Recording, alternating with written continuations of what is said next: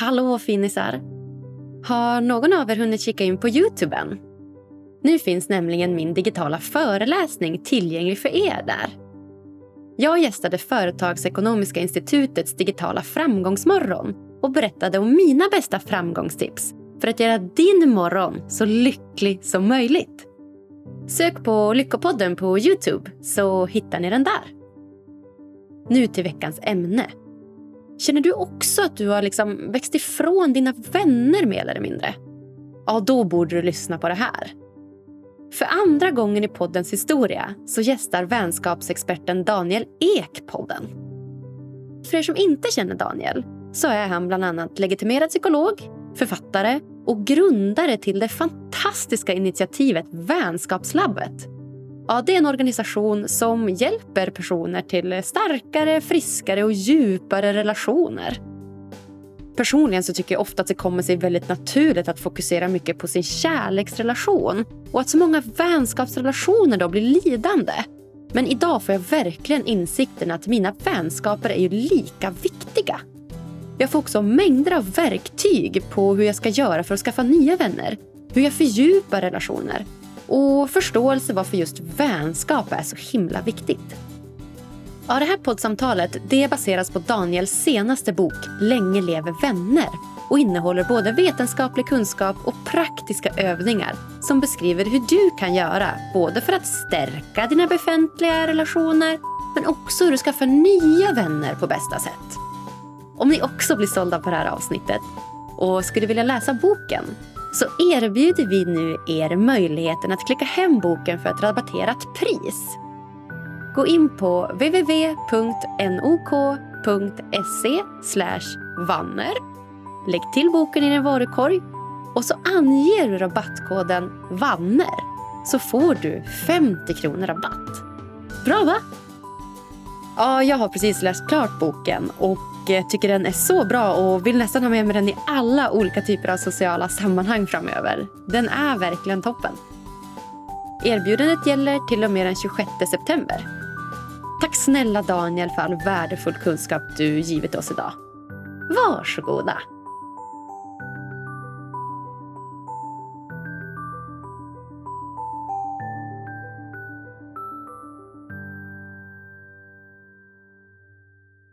Varmt, varmt välkommen till Lyckopodden. Ingen mindre än Daniel Ek. Tack, tack, tack. Wow, otroligt kul att ha dig tillbaka får jag säga Daniel. Ja, jättekul att vara här. Ja, ja vad roligt. Hur känns det att faktiskt få göra en comeback i Lyckopodden? Ja, ja, men det känns som en uppgradering. Nu har jag skrivit klart boken så nu har jag lite mer att prata om. Ja, just det. Är det Daniel 2.0 vi får höra? Ja, precis. Jag hoppas det. Ja. ja, jag tycker du ska ta det som ett väldigt bra betyg att få komma tillbaka. För Det är ju verkligen ett, ett kvitto på att eh, ja, men det vi pratade om tidigare avsnitt har varit väldigt bra och att ja, men det också går att fördjupa och prata ännu mer om. Just det. Ja, men precis. Det går att säga väldigt mycket om det här ämnet. Mm, verkligen. Så kul! Du blir ofta ihopblandad med Daniel Ek, eh, Spotify-grundaren. Mm, det är några ungdomar som har ringt mig, några så här tioåriga tjejer som, är det du som är Daniel Ek, Spotifys grundare? det är Men annars är det inte så jättemånga som har ringt. Nej. Det är någon som har ringt och bett om pengar också, så här, kan inte du stötta mig? så. Bara, jag har inga mer pengar än du. nej, exakt. Precis. Vad roligt. Ja, nej, jag hade faktiskt ingen aning om att han hette Daniel Ek, han Spotify-grundaren. Men det, jag, menar, jag berättat att jag ska prata med dig igen så är det i vissa kretsar, när man är så här finansvärlden och finanskretsar, då bara jaha, Daniel Ek, Spotify-grundaren. Medan andra liksom, är psykologikretsar bara jaha, men gud, ja den Daniel Ek, gud vad spännande. ja, vad kul. jag kan, tänker det kan inte vara så många som heter Ek i efternamn. Ja, jag tror det är ganska vanligt. Det är så? Ja. Mm -hmm. mm. Ja, då kanske, och Daniel är, för, Daniel är också ganska vanligt förnamn då? Ja, ja jo, men det är det. Ja, Daniel Ek. Ja, coolt. Ja, jag vart ju alltid när jag var yngre så här offended när någon, eh, när någon annan hette Agnes. Då blev jag nästan ja. lite så här... Va? Va? Heter du också Agnes? Det är bara jag som kan heta Agnes. ja. ja, precis. Nej, men det är lite jobbigt att jämföra sig då med Daniel Ek, Spotify-grundare. Jag ville vara mig själv om man säger egen. Exakt. Jag tänker att du är helt fantastiska på olika sätt. Jag känner inte honom, ja. men jag vet att du är helt fantastisk. Att jag tänker att ni, ni har båda era för och nackdelar. Ja, just det. Tack. Ja, ja kul.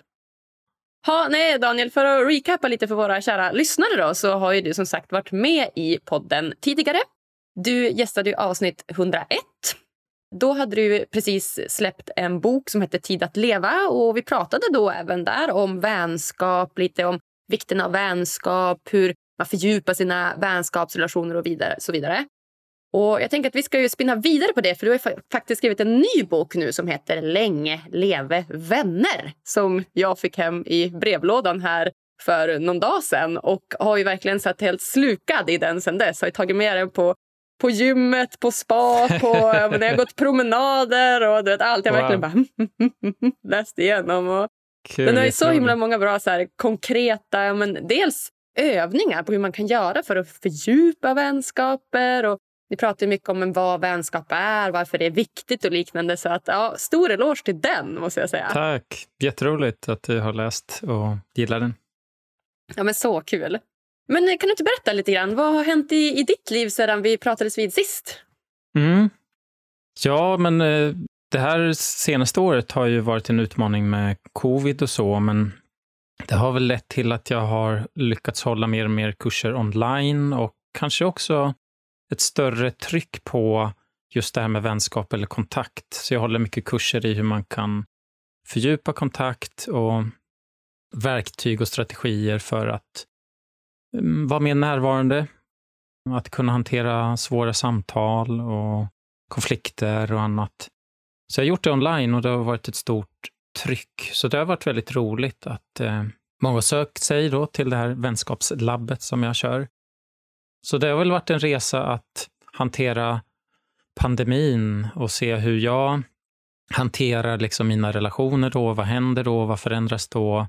Och hur kan jag liksom vidmakthålla relationer trots att det är svårt att träffas fysiskt?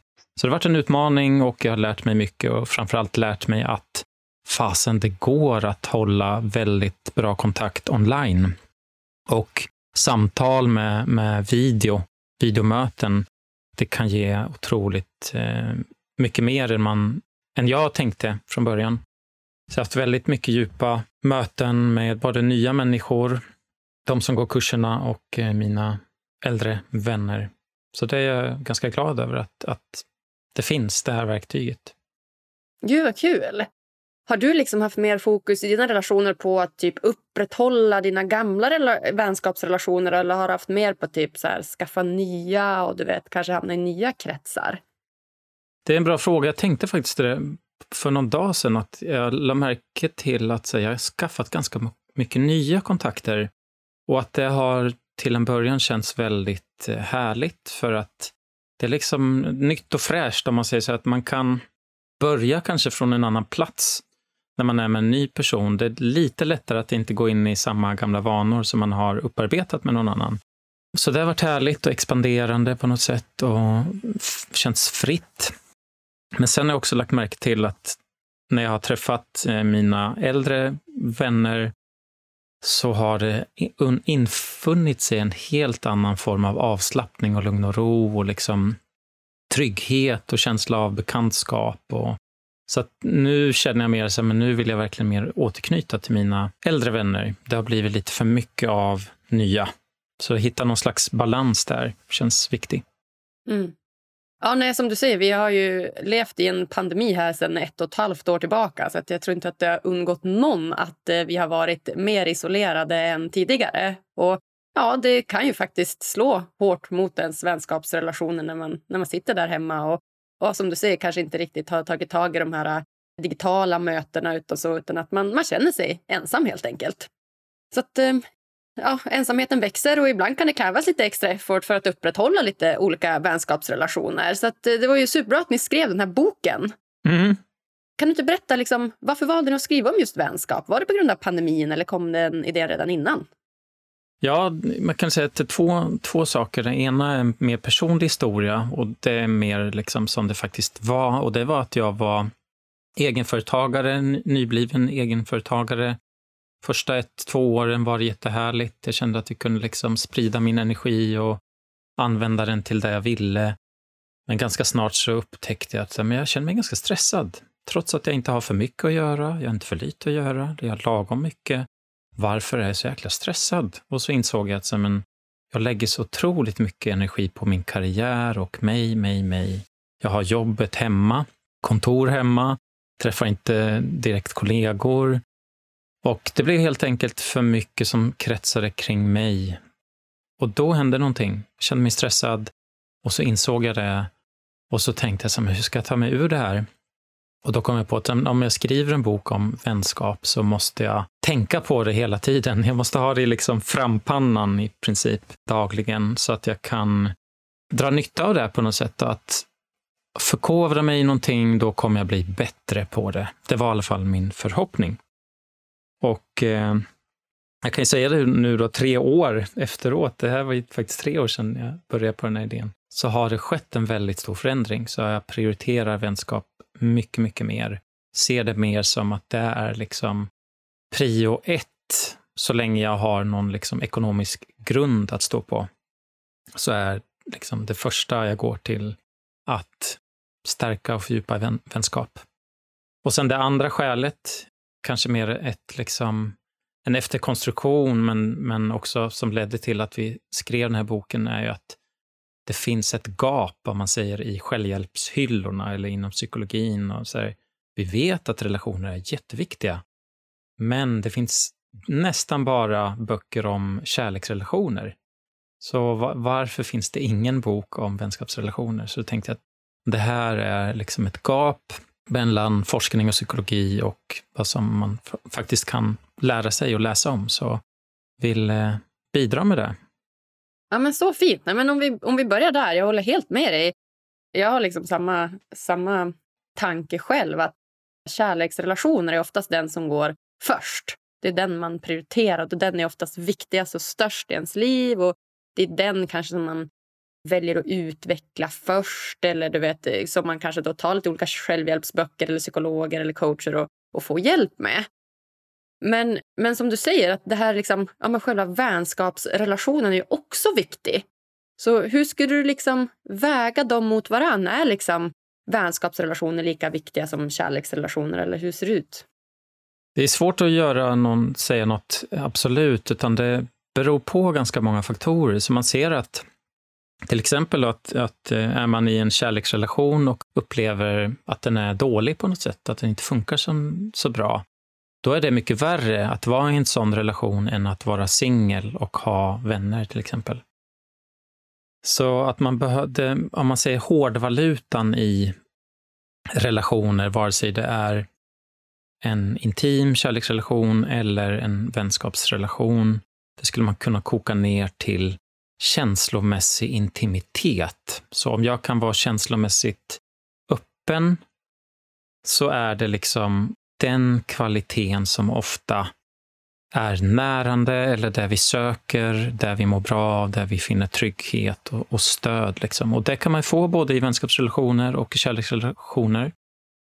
Det som skiljer är ju då kanske att i kärleksrelationer, då har man liksom ett projekt tillsammans. Det är nästan som att man har ett företag tillsammans och ser liksom framåt. Så, men nu kör vi det här företaget i 20 år framåt eller Nej, vi kan köra den i 80 år framåt om vi har tur. Liksom.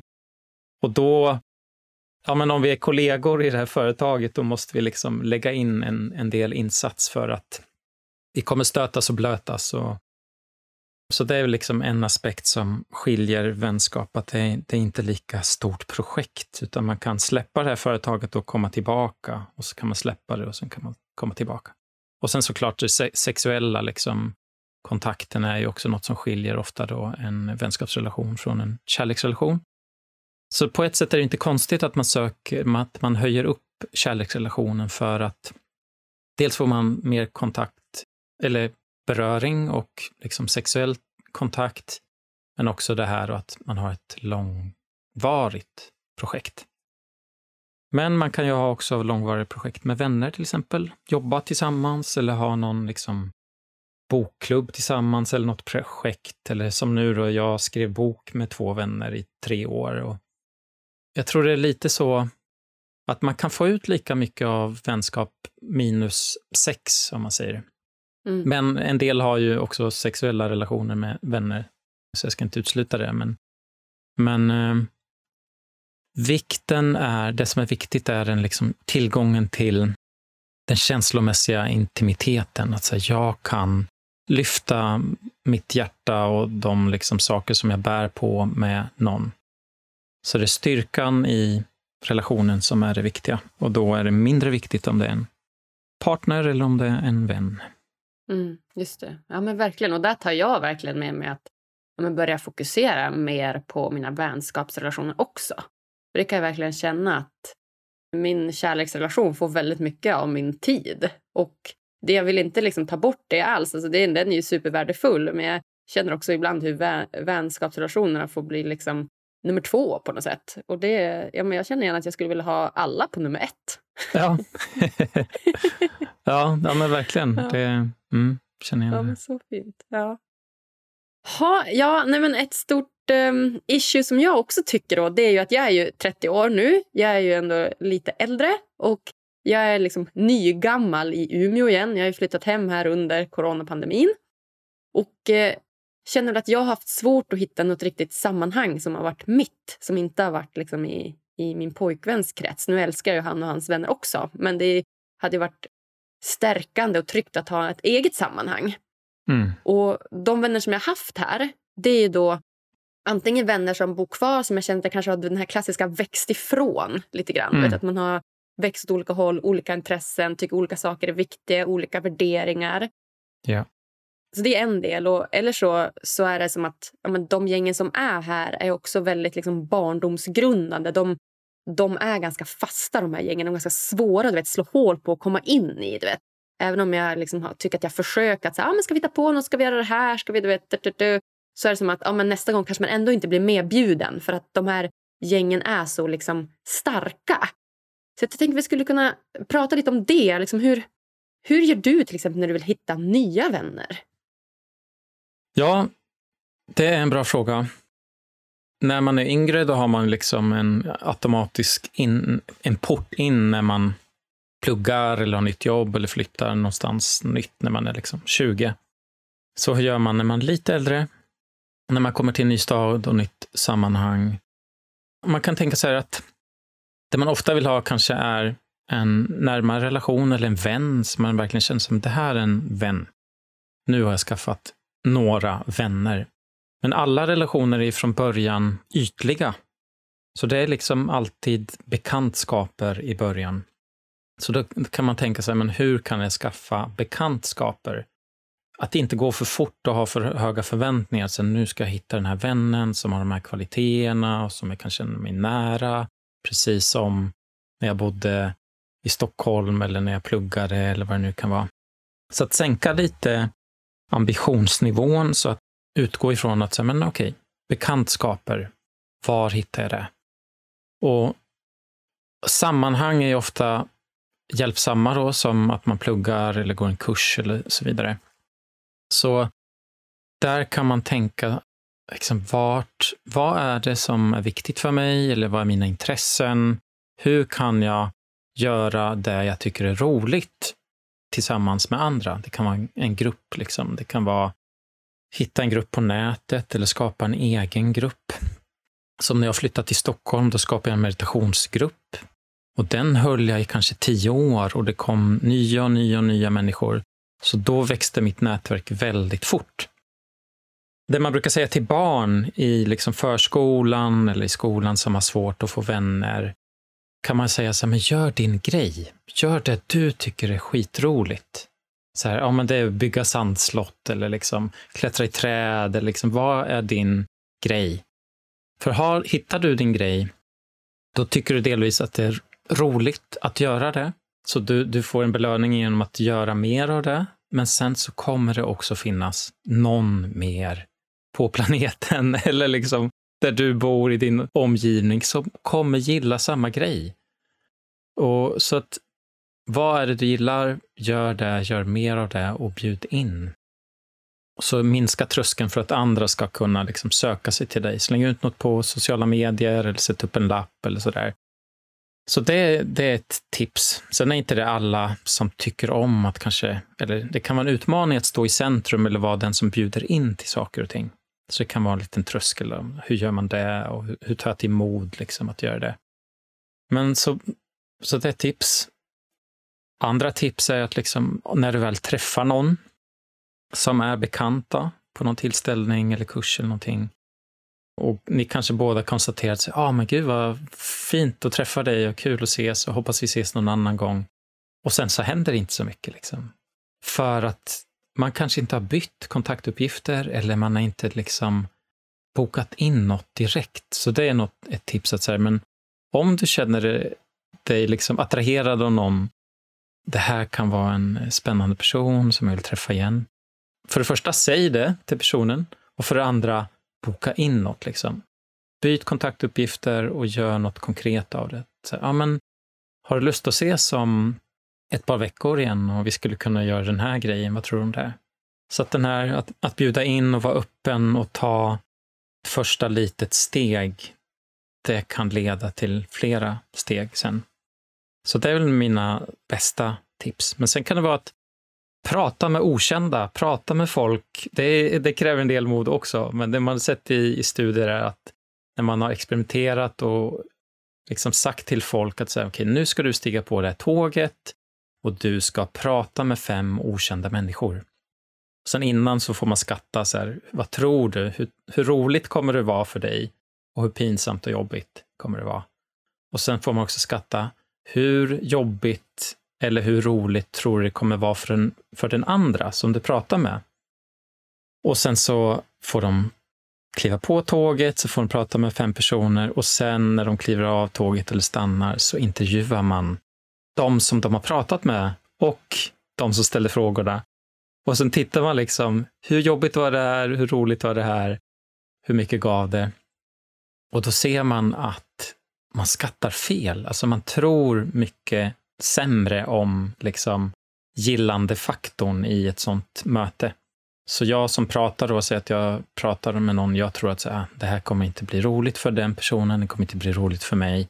Men sen när man kollar efteråt ser man att oj, det var en trevlig stund. Det tillförde någonting, det gav någonting extra. Så att prata med okända människor, det kräver lite mod, men det kan vara ett, eh, ett sätt att lära känna nya personer. Verkligen. Verkligen. Shit, vilka bra, vilka bra tips. Jag ska ta till mig alla de här. För jag ja. känner ju verkligen igen mig. Att så här, men, dels det här att ofta så tänker jag att jag måste göra saker i andras sammanhang. Alltså jag måste bjuda in mig i deras sammanhang och göra det de vill. Men jag tror att det är verkligen en nyckel. Att så här, men, det är bättre att jag gör det jag vill och ja. hitta mina sammanhang. För där kommer jag då hitta likasinnade som mig själv. Precis. Så jag, jag kan tänka mig säga om jag flyttar till en ny stad, känner mig ensam, känner inte så många, så skulle jag eventuellt kunna känna mig lite needy. Liksom mm. så att, ah, jag vill inte liksom inkräkta på någon eller så, här, så här. Och då är verkligen. det ju ver verkligen en mindre tröskel då att ja, men bjuda in andra till något som jag själv brinner för. Ja. Så det blir mer som att jag bjuder på någonting än att säga, ah, jag vill ha någonting från dig. Liksom. Ja. Så. Ja, men exakt. Verkligen. Ja, det ska jag verkligen tänka på. Jag har ju gått med i några sådana här Ja, men dels är det med inkubatorprogram och lite mer inriktat mm. mot företagande. Och Det känns verkligen som min grej. Och Där känns det verkligen som att man kommer hitta likasinnade. Så att jag kommer nog ja, men vila ganska mycket i det, tänker jag. Och lägga ja. min energi där. Ja. Och där kan man ju tänka också att om man är i en viss kontext och träffar personer som i en arbetskontext, då, så kan man komma nära på ett sätt. Men sen är det ju också en, en tröskel eller ett steg att säga, men hur vet vi att vi är vänner nu? Och det kan man tänka sig, men om ni tar er ur från den jobbkontexten och träffas utanför, ni tar en öl tillsammans eller ni spelar biljard eller går en promenad eller tar en middag, då utökar ni liksom, eller närmar er den här vänskapsgränsen skulle man kunna säga. att Man behöver byta lite kontext. Eh, så om du hittar någon där i det där sammanhanget som du beskrev, testa att bjuda ut den utanför. Liksom. Ska vi gå och äta lunch eh, eller ska vi gå och ta en fika efter jobbet? Liksom så. Ja, men Bra tips, verkligen. Det ska jag verkligen göra. Så himla mm. bra! Va? Mm. Ha, och om vi tar den här eh, andra biten då, om det är så att man känner att man har ja, men som jag då, ny gammal i en stad, så jag har också gamla vänner här men som jag känner att så här, ah, vi har växt ifrån varandra, vi har inget att prata om, vi har totalt olika liksom, värderingar och dels liksom, olika politiska åsikter och så. Hur kan man göra då när man känner att man har växt ifrån varandra om man ändå känner att man vill, vill ge det en chans att komma närmare varandra? Det första jag tänker på är nog att precis det du sa nu, att lyfta det och ta upp det. För att den andra personen, om du kontaktar den så kommer den säkert också känna likadant. Så, Oj, ja just det. Länge sedan jag träffade Agnes. Vi har växt från varandra kanske lite. Var befinner hon sig nu? Varför hör hon av sig? Vad, hur ska vi förhålla oss? Så att den här frågan som du bär på kommer också väckas i den andra. Så om du lyfter det från början och säger så här, ja, ah, vi har inte hörts på länge och har någon liksom rädsla att vi har, eller vad det nu kan vara, liksom tanke att vi har växt från varandra, men det är ändå något som jag skulle vilja liksom återknyta och se om det finns något. Att vara ärlig med vad, vad du tänker och känner, det tror jag kan vara en ingång. För då, då är du öppen och lite sårbar och visar vad du tänker, vad du känner. Och det brukar ofta vara en bra ingång för kontakt, att man är lite öppen så det är känslomässig öppenhet, då, eller det som jag pratar om, känslomässig intimitet. Så där bjuder du in till lite automatiskt genom att säga så här känner jag och så här tänker jag. Just det. Så sätta ord på, på det.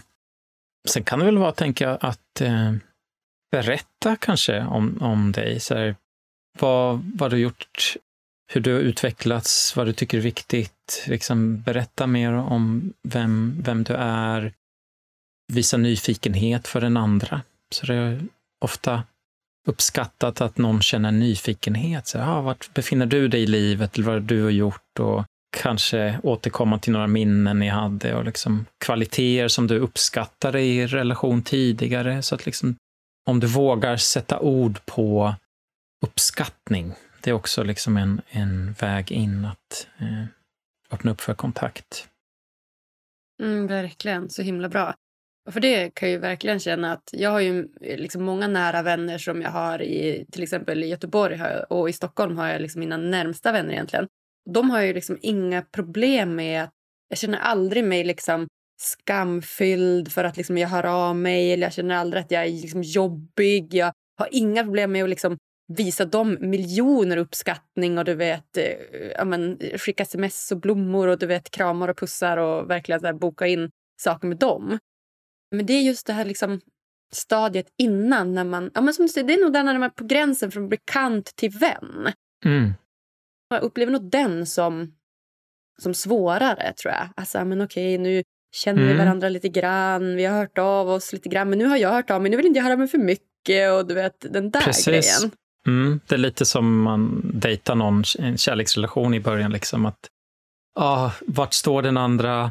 Är en lika mycket vän som jag tycker att vi är eller skulle kunna bli. Och så det är som en slags dejtande i början. Och det kräver ett visst mod och sårbarhet och öppenhet. Men om man vågar ta till det modet så, så kan man få en, en liksom öppning och chans. Men det kan också bli ett nej, så att man behöver vara medveten om att säga okej, okay, om jag öppnar mig, då kan jag också bli sårad.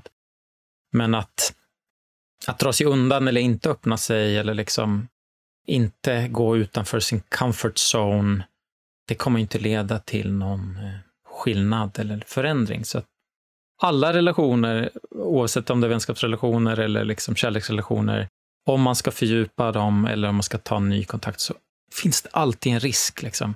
Ja, det finns en risk att personen säger nej här. Mm, mm. Ja, det är verkligen så man måste, man måste vara villig att ta den risken för att ja. kunna vinna priset. Liksom. Ja, precis. Mm. Ett hinder är ofta att man tror att man måste vara tillräckligt smart, duktig, briljant eller lysande eller framgångsrik. Vi tänker så här, men okej, okay, om jag är tillräckligt framgångsrik på ett eller annat sätt, då kanske jag kommer dra till mig vänner. Men det man ser i studier är snarare att men, det handlar inte om att vara framgångsrik eller lyckad, eller, utan det handlar mycket om att vara villig att ta risker. Så att väga dem mot varandra. Är det så att jag lägger jättemycket energi på att vara den här perfekta kompisen eller personen och tänker att, vem, att personen ska dras till mig då.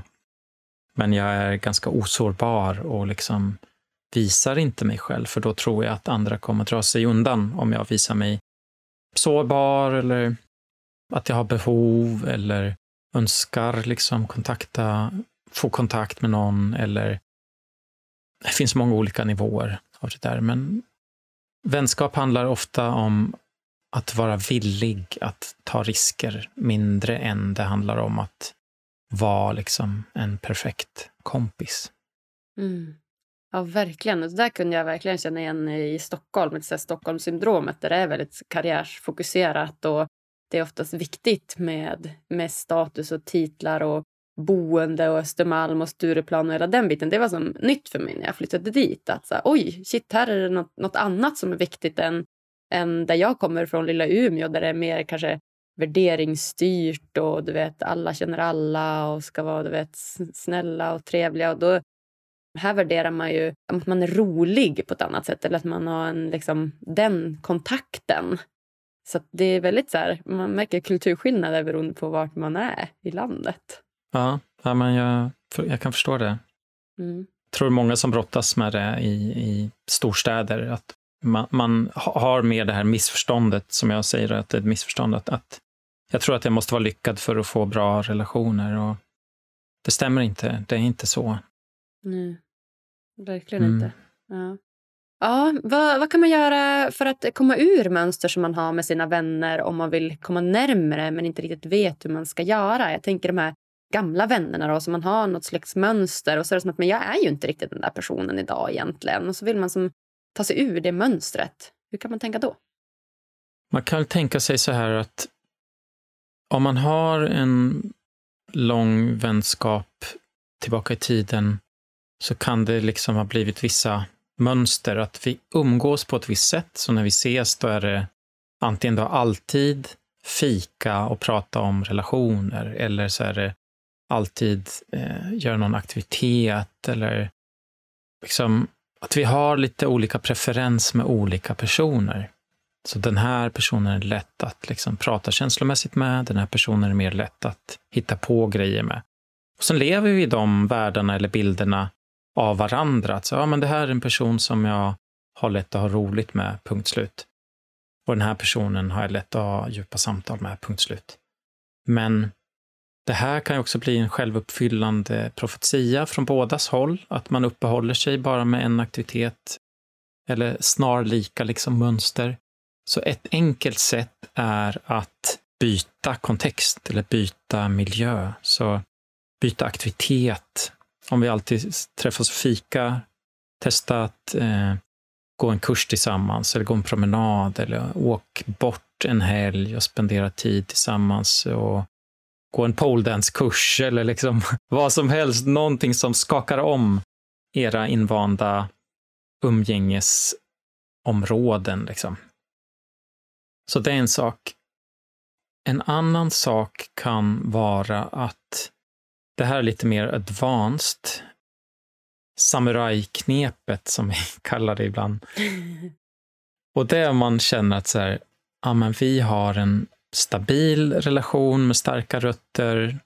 Den tål att vi liksom kan lyfta saker som känns öppet och ärligt och då kan man ställa det vi kallar i boken för den modiga frågan.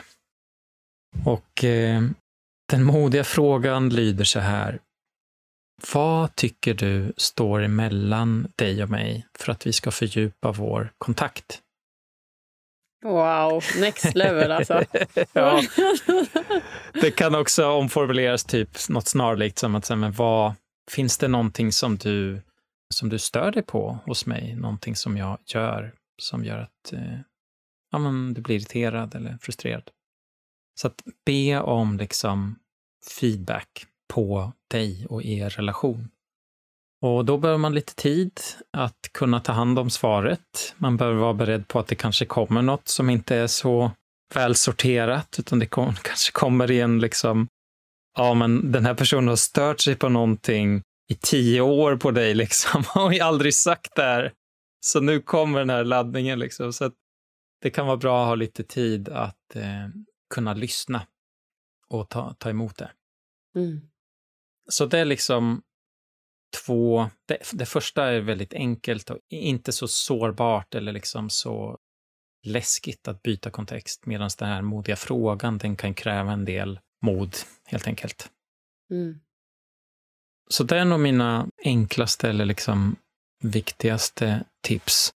Sen så tänker jag också att boken till exempel, den har ju vi skrivit mycket för människor som redan har vänner men vill fördjupa vänskapen. Och den är en väldigt bra ursäkt att fördjupa en relation. För där har vi många övningar som vi föreslår att man kan göra tillsammans. Och det är några vänner till oss som fick boken innan den kom ut här precis. Och de eh, gjorde två övningar och sen diskuterade de det i åtta timmar efteråt. Jäklar! ja, så att det kan väcka mycket samtalsämnen och det är liksom en, en enkel ingång till att få in en ny ingrediens i vänskapen. Och det är kanske inte en slump att det finns, du vet, så här, men jag har säkert 10, 20, 30 olika så här konversationskortlekar man kan köpa. Just det, det är så här, men, ta ett kort, svara på en svår eller intim eller spännande fråga. Mm. Så det är lite det man gör med boken också. Att säga, okay, vi lyfter upp den här boken, tittar i den, här tar vi ut en övning, vi testar den och sen så kommer det väcka mycket nya perspektiv oftare. Mm. Så bra, verkligen. Ja, men jag kände också när jag läste igenom de här övningarna. Jag bara shit, alltså det här vill jag göra med alla mina vänner. Ja. Och jag älskar att gå utanför min comfort zone, så den här modiga frågan, det är ju något för mig. Alltså. Det måste jag verkligen bara ta tag i. Ja. För jag har liksom någon, jag har en förutfattad mening om att jag har, jag har alltid haft lättare att umgås med, med killar. Alltid tyckt att det är mm. mycket enklare och mycket roligare. Och Vi har hamnat i, i kontexter som oftast är gäng, man är fler och man gör någon rolig aktivitet eller så tillsammans. Och Det är alltid liksom uppskattat väldigt mycket. Och sen då när det kommer till, till tjejer och kvinnor, då hamnar man mer i de här kontexterna två och två och det är väldigt mycket prata. Jag hamnar ofta i någon slags psykolo psykologpersona där och ska som ja. hjälpa och vet, ta hand om. Och liksom, eller tvärtom, då, att liksom någon ska hjälpa mig. Alltså att Det blir lätt den här...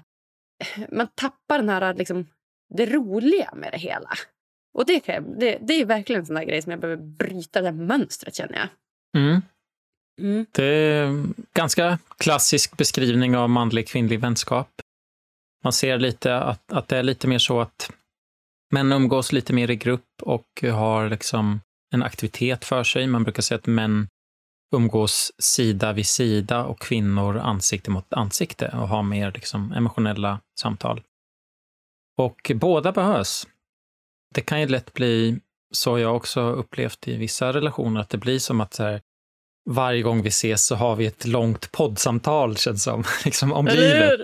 Och vi pratar om livet och pratar och pratar, men det händer inte så mycket. Vi gör inte så mycket roliga saker eller liksom någon aktivitet. Så någon form av balans kan ju behövas. Så det är, det är första steget att bli medveten om det. Så här, Oj, vi hamnar alltid här, så okej, okay, istället för att ses hemma och fika, bjud in då till en aktivitet och se vad som händer då. Verkligen medvetenhet och bryta de här mönstren. Så himla mm. bra. Mm. Ja, gud. Och en annan vanligt eh, problem idag tycker jag att du har ju vänner, du har pojkvän, du har jobb, du har säkert någon hobby, du har något som du måste göra dit, kanske hämta, lämna barn. Och vet, är, livet är ju fullt av, av eh, andra viktiga delar också, måsten och borden. Hur gör du för att upprätthålla kontakter med vänner på ett bra sätt även om du har så mycket att göra? Ja, det finns lite olika saker. Den, jag ska nog gå direkt på det, den liksom ultimata lösningen jag har hittat som är, ger stabilitet, den ger trygghet och den ger kontinuitet. Och det är varje söndag klockan 10 så träffas jag online med sex stycken killvänner. Vi har gjort det här i, jag tror i fem år nu. Mm. Och under den här timmen så får alla eh, ungefär tio minuter att berätta om någonting, som var man befinner sig i livet eller om man behöver stöd i någonting, om man kanske behöver tips eller råd. Man får tio väl vägda minuter liksom till förfogande. Och de andra bara lyssnar och sen kan man ge feedback om man vill. Och de här personerna befinner sig överallt i landet. Så utan den här timeslotten som vi har bokat till här, då ska vi sällan träffas. Det skulle bli liksom en gång per år om vi hade tur. Mm. Så att inte underskatta digitala möten och framför allt något som har hjälpt oss i den här gruppen då är att det är en tydlig agenda som vi följer. För om vi bara skulle ses en timme, vi är sex personer och bara prata öppet, då skulle dynamiken bli obalanserad efter ett tag. Så att vissa tar ju mer plats än andra till exempel, pratar mer och får mer uppmärksamhet och det skulle bli någon slags obalans och det kanske skulle uppstå konflikter för att vi känner att så här, men, okej, okay, nu blir samma tjat igen, typ, eller pratar om samma sak varje gång. Så en struktur, tio minuter var till exempel, då. en agenda, eller så här, vad är syftet med dagens träff? Är det något tema vi ska prata om? Eller så, där. så det är en otroligt häftig och eh, välgörande och enkel metod. Och vi har ju lagt upp det så att så, men, om man inte kan komma så måste man inte. Men vi har, vet att varje söndag klockan 10 till 11 så har vi en chans att få kontakt. Sen finns det ju andra saker man kan göra om, om man eh, inte vill göra just en sån grej. Och det tänker jag är att sänka ribban. Så ofta kan vi ju hamna där att tänka att ah, men den här vännen betyder så mycket för mig så att när jag hör av mig till den så vill jag verkligen skriva ett långt fint sms eller jag vill spendera liksom ett par timmar med den här personen och djupdyka i allting som vi har missat nu de här liksom månaderna som inte har setts. Och det är lätt att det blir liksom att man bara skjuter på det då för att det blir en stor grej att så här, just det där långa smset som jag ska skriva, eller de där två timmarna, de infinner sig aldrig tid för det. Så att en tanke, eh, något som ofta funkar, att sänka tröskeln och minska liksom den här stora grejen. Gör det till en liten grej, som att så, men, jag bara skickar ett sms. Hej, jag tänker på dig, hoppas det är bra. Någon hjärta liksom. Mm. Eller när du går hem från jobbet, liksom ring och säg ja, jag är på väg hem från jobbet, jag skulle egentligen vilja prata längre med dig, men har du tid några minuter, bara säga hej eller så. Så att sänka, sänka tröskeln, sänka ribban. Ja, jätte, jätte, jättebra tips. Jag tänker att eh, som eh, ja, men, halvt avslutning här så tänkte jag att jag skulle läsa upp en eh, övning som ni, hade i, som ni har i er bok. Mm. Och eh, Det är en övning som jag gillar väldigt mycket och som också är väldigt um, enkel för alla att göra. Så jag tänker för, för lyssnarna också. Så alla lyssnare, greppa papper och penna för här kommer en, en superbra övning. Härligt, spännande. Ja, och Det är då en reflektionsövning och den heter då Tacka en viktig person.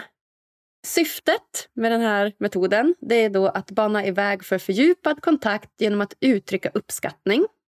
Tidsåtgången är 5 till 15 minuter. Metod är att anteckna, så papper och penna är det enda som behövs.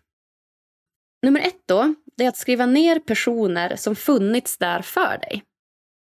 Så ta fram ett vitt papper och dra ett långt streck i mitten, från vänster till höger. Längst till vänster skriver du 0 år och längst till höger skriver du din nuvarande ålder. Markera ut viktiga milstolpar för att få en överblick och gör sedan en grov skiss över toppar och dalar genom ditt liv, likt vågor. Slutligen skriver du ner viktiga personer som varit viktiga för dig under de här perioderna Exempelvis personer som stöttat dig när du varit i en svår period eller varit viktiga för dig när du varit i ett uppbrottsperiod. 2. Sätt ord på din uppskattning för någon. Så välj ut någon som du känner dig tacksam för och skriv ett tackbrev till den personen. Var tydlig med vad hen gjorde för dig och på vilket sätt hen bidrog till dig och ditt liv. Försök vara så konkret du kan. Till exempelvis, jag är så glad att du trodde på mig och inte gav upp på mig när jag höll på att hoppa av sjuksköterskeutbildningen. Jag glömmer aldrig den kvällen när jag satt hemma och grubblade och du och gänget knackade på och hade mer pizza. slutligen då nummer tre. Uttryck din uppskattning. Fundera över om och i så fall hur du skulle vilja förmedla din tacksamhet.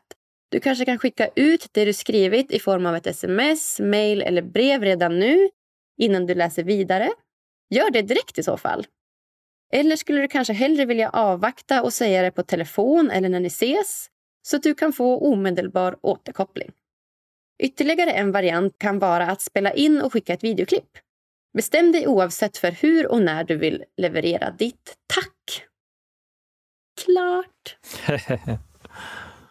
mm. Va? Så fin övning. Det här är verkligen något som jag tycker alla skulle kunna göra. Mm. På ett sätt ganska låg tröskel och låg risk, liksom att den andra ska bli stött. Så att det, det är ett lätt sätt att skapa kontakt och värme mellan er. Ja men verkligen. Och ja, men precis, det är väldigt stor chans att de kompisen tar emot det här på ett positivt sätt eftersom att det, det den får är ju som sagt tacksamhet. Ja. Mm. Ja, så fint. Mm. Ha, jag tänker att vi hoppar in på de sista frågorna här innan vi lämnar varandra för dagen, du och jag. Ja. Och eh, de här frågorna har du redan svarat på en gång. Så vi får väl se om du har samma svar eller andra svar nu då. ja, precis. Något som gör dig riktigt lycklig, vad är det? Jag skulle säga att det är två saker framför allt just nu. Och det ena är att dansa. Där upplever jag väldigt mycket livsenergi som rör sig i min kropp och fritt uttryck och rytmer. Och, mm, väldigt härligt. Och det andra är när jag kan möta en kompis och jag känner att den, eh, den kan acceptera mig och se liksom saker. Det kanske ser igenom mig eller liksom jag tappar masken eller jag beskriver någonting som är kanske lite tufft och den inte vill ändra på mig på något sätt, utan den kan liksom känna det jag känner, sätta ord på någon slags förståelse och acceptans för mig. Det känns verkligen så här, då slappnar jag av. Då blir jag trygg och då känns det, ja, men det är inte fel på mig. Jag kan vara och få vara mänsklig och då är det som att mitt hjärta och kropp smälter på något sätt. Att jag blir verkligen lugn och trygg och ja, känner kontakt, kärlek. Mm, jag håller verkligen med. Det, det, är verkligen två fantastiska sätt. Det ena är ju ja, men dansa, då är med att man liksom skapar någon slags endorfinrus, att man kickar igång den och blir superlycklig. Och det andra är ju mer en, ett lugn och en trygghet och en känsla av kanske mer oxytocinflöde. Att så här, åh, vi connectar här, du och jag. Så det är två väldigt bra metoder för lyckan. Alltså. Mm. Ja. Ha, vilket är ditt bästa lyckotips? Mitt bästa lyckotips just nu är att umgås med vänner som är schyssta och på något sätt ger dig sköna, härliga känslor, men också kan liksom ta emot dina svåra, tuffa saker och, och skänka trygghet. Man ser i studier att vi blir mycket som våra vänner. Och vi blir till och med lika våra vänners vänners vänner. Vi påverkas, ja, vi påverkas av, av de vi har omkring oss även om vi aldrig har träffat de här personerna så påverkas vi av dem. Så att umgås med människor som kanske delar liknande värderingar, men framförallt som du känner värme inför och som får dig att må bra, som uppskattar dig, dina liksom positiva sidor, kan lyfta dig och dina positiva eh, egenskaper, men också att ta emot dig och acceptera dina liksom, tillkortakommanden och sånt som är jobbigt och knasigt.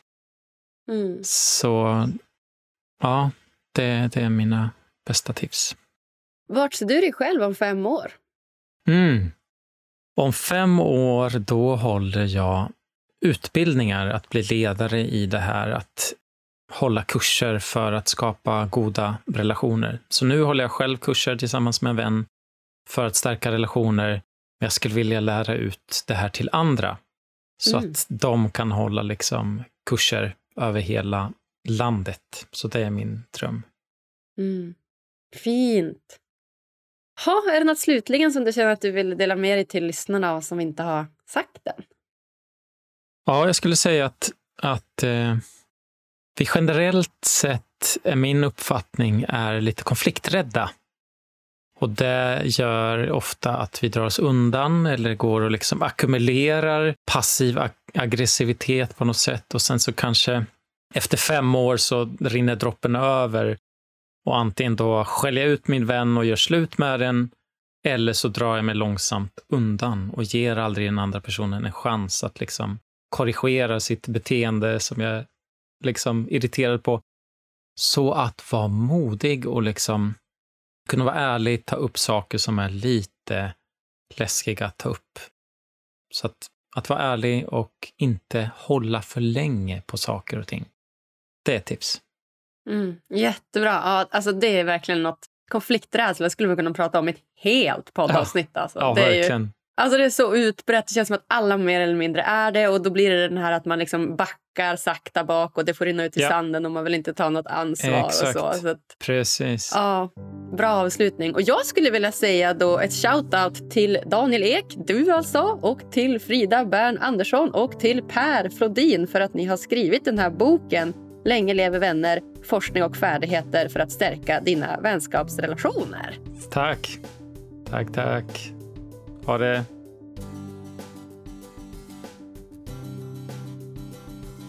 Åh, så spännande hörni. Nu jämmar ska jag ut och dels skaffa nya vänner men också fördjupa mina gamla vänskapsrelationer. Så spännande. Ja, de förtjänar verkligen mer fokus än vad de har fått. Och något som jag vet kommer göra mig ännu lyckligare, det är just att fördjupa mina relationer. Så det är klart jag måste prioritera det. Och som sagt, om ni också har blivit sålda på det här avsnittet och skulle vilja läsa boken så erbjuder vi nu er möjligheten att klicka hem boken för ett rabatterat pris. Så gå in på www.nok.se vänner och lägg till boken i din varukorg så kan du ange rabattkoden VANNER så får du 50 kronor rabatt. Så bra! Ja, jag har precis läst klart den här boken och vill nästan ha med mig den som en handbok i alla typer av sociala sammanhang framöver. Den är verkligen toppen. Erbjudandet gäller till och med den 26 september. Lycka till!